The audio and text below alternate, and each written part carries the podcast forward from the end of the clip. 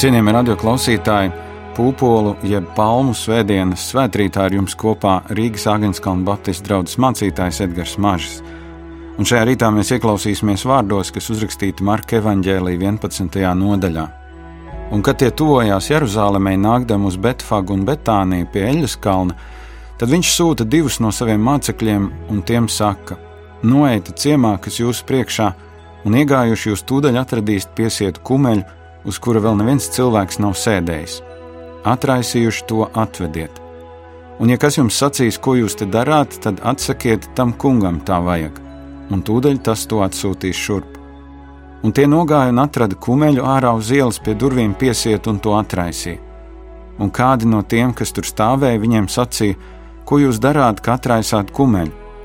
Bet viņi tiem sacīja, kā Jēzus bija pavēlējis, un tie viņiem atļāva un viņa kumeļu atved pie Jēzus, uzliek tam savas drēbes, un viņš sēdās tam virsū.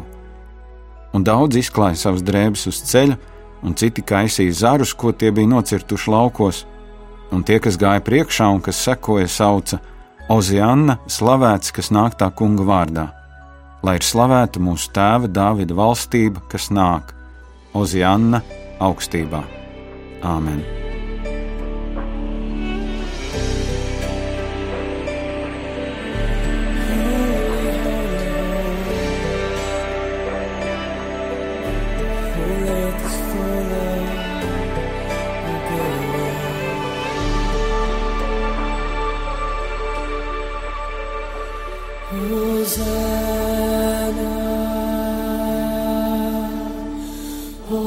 sun.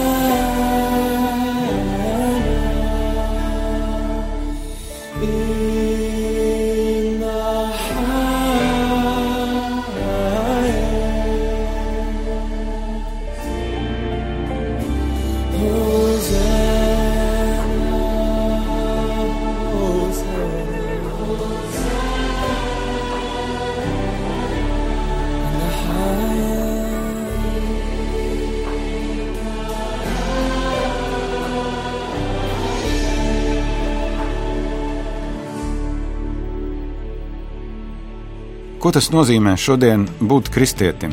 Vai tā ir piederība kādai draudzēji, vai tā ir ziedošana, vai tā ir iesaistīšanās kalpošanā, varbūt katru svētdienu jāapmeklē dievkalpojums. Ko tas no cilvēka prasa būt kristietim? Daudz to nezina vai zina diezgan aptuveni. Sabiedrībā ir radies priekšstats, ka kristietība ir reliģija, kur no cilvēka tiek prasīta nauda, varbūt pat tiek atņemti īpašumi, prasības un likumi, ar bailēm un drebēšanu, bet tie bieži ir gan aizspriedumi, gan arī pašu kristiešu minimālās zināšanas, ko tas nozīmē sekot Kristum. Tāpēc ir labi vēlreiz ielūkoties šajā evaņģēlīja tekstā, kurš gadsimtiem tiek lasīts šajā svētdienā. Jēzus iejāšana Jeruzalemē uz ēzeļa. To sauc arī par Jēzus triumfālo iejāšanu Jeruzalemē.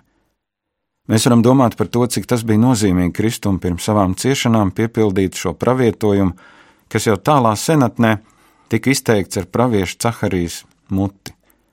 Priecājies no sirds Cijānas meita, Gavilē Jeruzālēmas meita, redzi, tavs ķēniņš nāk pie tevis taisnīgs un tavs palīgs.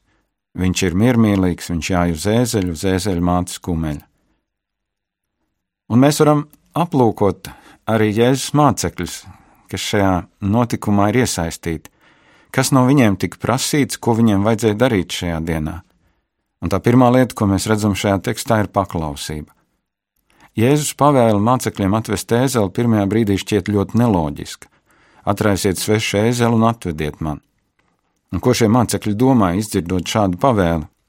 Evanģēlists Marks mums neatklāja, ka viņi būtu mudinājuši Jēzu domāt, ka tā nu nav labi. Galu galā tas jau velk uz zakšanu.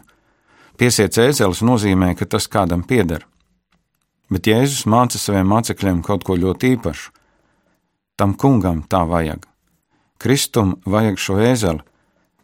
Viņš, kurš ir Dieva dēls, kurš ir no mūžības uz mūžību, kuram ir visas lietas pieejamas, viņam ir nepieciešamība aizņemties ēzeli.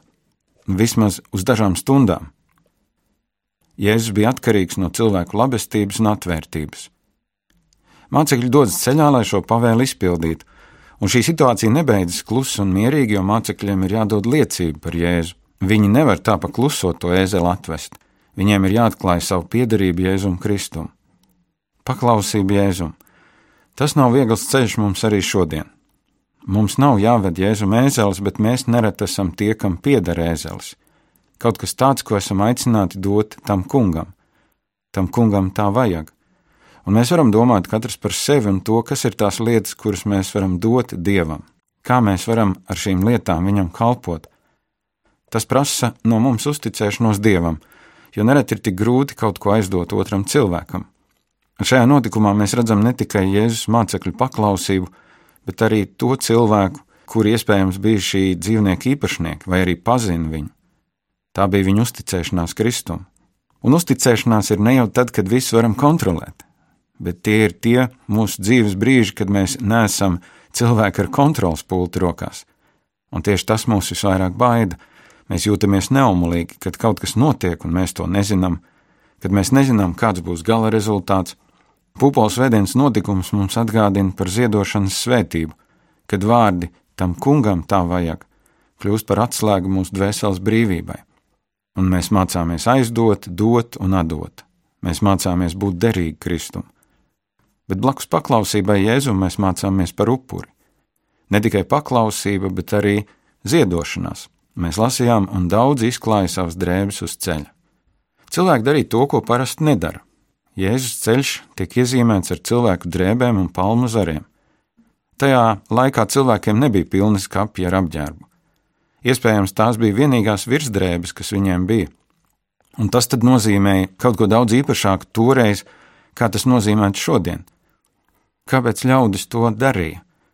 Viņi bija gatavi kaut ko upurēt, lai pagodinātu Jēzu. Upuris, kad esi gatavs kaut ko dot. Patiesībā pazemojoši, kad ēzels iet pāri tavam metālim.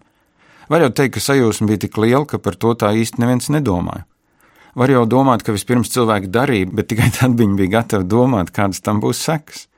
Bet neviens jau nelika viņiem klāt drēbes uz ceļa. Tā bija viņu pašu izvēle. Vai tur bija kāds nosacījums paslēpts, jo mēs tik bieži domājam, ka izdarot kaut ko dievam, viņam pienāks mūs svētīt. Bet vai es būtu gatavs kaut ko tādu darīt, ko darīja šie ļaudis? Viņi bija gatavi atdot, jo nebija garantijas, ka savu mēteli saņems atpakaļ, jo pūlī jau viss varēja notikt. Un līdzīgi kā ezeļu īpašnieki, arī šos cilvēkus bija pārņēmusi vēlme nedomāt tik ļoti par sevi, kā tas izskatās, ko teiks citi, ko citi padomās, bet rīkoties tā, kā viņi jutās savā sirdī. Bet tas tik ļoti kontrastē ar mūsu ikdienu, kad mums ir grūti atrast iemeslu, kāpēc mums kaut kas būtu jāupurē. Tik bieži tiekam vadīti no šī teikuma, kas man par to būs? Kas man būs par to, ja es kaut ko izdarīšu Kristum? Un mēs vairāk izvēlamies nedarīt, jo mums bail pazaudēt stabilitāti savā dzīvē. Jo mums šķiet, ka mūsu pilnais drēbju skapis dod savu veidu nodrošināšanos nākotnē. Ja godīgi palūkojamies uz sevi, mēs esam tik ļoti saistīti ar lietām, kas mums apkārt. Bet ir svarīgi, mācīties lietas dot projām nevis tāpēc, ka mums jāatbrīvo vieta citām jaunām lietām, bet tāpēc, ka mēs gribam būt par svētību. Un tas nenozīmē, ka mēs atdodam visu un kļūstam par nabagiem. Bet tik daudz no tā, kas mums pieder, mums jau ir par daudz. Mums nemaz tik daudz nevajag. Un tā ir mūsu dzīves cīņa, iemācīties dzīvot vienkāršāk, bez tik daudziem palīglīdzekļiem drēbes Jēzus ceļā, upuris. Un tad blakus paklausībai un upurim ir slavēšana, vai mēs teiktu apliecinājums. Ļaudis sauc uz Janna slavēts, kas nāk tā kunga vārdā, lai ir slavēta mūsu tēva Dāvida valstība, kas nāk uz Janna augstībā. Ļaudis redzēja Kristū kaut ko no gaidītā mesijas. Vai tiešām 400 gadu garais gaidīšanas laiks būs pabeigts, vai viņš tiešām ir īstais? Oziāna bija ebreju izsauciens, kas nozīmēja kungs glāb. Glābējs bija atnācis un daudzi to skaļi apliecināja. Tā nebija klusa liecība, to dzirdēja visi apkārtējie. Liecība, ka Jēzus ir glābējs. Šodien nav viegli runāt par Jēzu glābēju. Nereti ir izjūta, ka cilvēki neko tādu nespēja saprast. Vēl grūtāk ir tad, kad mēs domājam par to, vai mums jāslavē Kristus vai nē. Pirmajā brīdī mēs pat nezinām, kā to dara. Mums nepatīk tie, kas Jēzus vārdu lieto nevietā, mums traucē tie, kas uzbāras. Bet kas ir vajadzīgs, lai es iemācītos slavēt Kristu? Kas ir tie traucējušie faktori, kāpēc es to nedaru? Nereti tas esmu es pats, jo mans sirds ir grēcīga. Es esmu kļuvis nejūtīgs svētā gara pieskārieniem. Cilvēki toreiz pavisam spontāni slavēja Kristu. Tur nebija nekāds iestudēts uzvedums. Tur bija cilvēki, kuri sajūsminājās par Kristu. Iespējams, ka kādiem jēzus bija palīdzējis un viņus dziedinājis, iespējams, ka kādi bija bijuši to tūkstošu vidū, kurus Kristus pabaroja, mēs to nezinām. Bet var domāt, ka tur bija vienkārši cilvēki, kurus tajā brīdī Jēzus ienākšana Jeruzalemē tā uzrunāja, ka viņi nevarēja citādāk kā slavēt Dievu. No visas sirds, ar visu savu būtību, ar visu savu austrumniecisko temperamentu. Tajā dienā cilvēki apliecināja, ka Kristus ir Dieva sūtītais glābējs, tas, kam bija jānāk un ko tik ļoti tauta gaidīja. Un tad esam mēs šodien, pēc tik daudziem gadiem, pūpoles svētdiena. Tas, kas mums ir, tas, ko mēs lietojam, un Kristus, kuram šad un tad vajag mūsu palīdzību. Ne tādēļ, ka viņš nevarētu radīt sev īpašu ēzeli, ar kuru ienākt Jeruzalemē, bet tāpēc, ka visa viņa dzīve bija viena vienīga aizņemšanās. Piedzimis svešā kūtī, tika guldīts aizlienētā silītē, nekad nebija māju, pat nauda aizņēmās no zivs, un šī vienkāršība fascinē, bet reizē biedē. Un tāpēc mums šajā dienā jādomā par to, kāda ir mūsu katra paklausība Kristum, cik daudz es esmu gatavs ziedoties viņa labā, un cik bieži es apliecinu un slavēju viņu kā savu glābēju. Ko tas nozīmē būt kristietim? Tam kungam vajadzīga gan mana paklausība, gan uzupurēšanās, gan slavēšana. Jēzus kādā citā vietā saka, ja jūs mīlat mani, turiet manas pavēles. Lai Dievs dod mums gudrību, ieraudzīt to, kā mēs varam būt par svētību citiem. Un atcerieties, ka ļoti bieži palīdzot cilvēkiem, kuriem ir grūtības, mēs savā dziļākajā būtībā palīdzam Kristum. Āmen!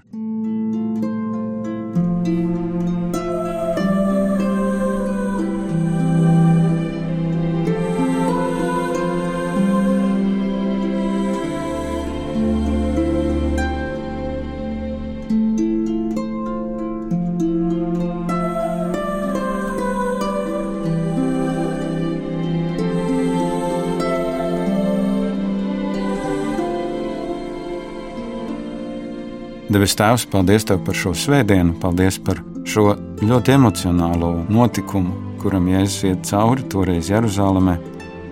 Paldies par cilvēkiem, kuri viņā ieraudzīja to, ko līdz šim nebija redzējuši. Un paldies, ka mēs varam mācīties no šī senā notikuma gan paklausību, gan to, ko tas nozīmē atdot, gan to, kā tevi slavēt. Kungs, tu redzi, ka visas šīs trīs darbības ir nav vieglas mūsu dzīvē. Mums bieži vien ir vieglāk nepaklausīt, vieglāk palikt pie savu prātu. Mums bieži vien ir grūti atdot un aizdot, kaut arī mums ir tik daudz dots. Un mums ir brīži, kad mēs nemaz negribam tevi apliecināt. Bet šajā rītā mēs lūdzam tavu atdošanu par tām lietām, ko mēs esam slinkumā nedarījuši, un reizē lūdzam arī iedvesmu un spēku šīs lietas darīt. Es pie ikviena, kas tevi lūdz, kuram ir vajadzīga tava iejaukšanās un palīdzība, pasargā mūsu valsts vadītājus un dāvā mums šo kluso nedēļu, kuru šorīt iesākam. Dāvā mums pavadīt ar skatu uz tevi, Jēzu, pateicībā un slavā par to, ka tu esi mūsu dēļ grēkus uzņēmies, pie krusta nomiris un augšām cēlēs. Mēs pateicamies Tev par šo rītu un lūdzam Tavu svētību Jēzus vārdā. Āmen!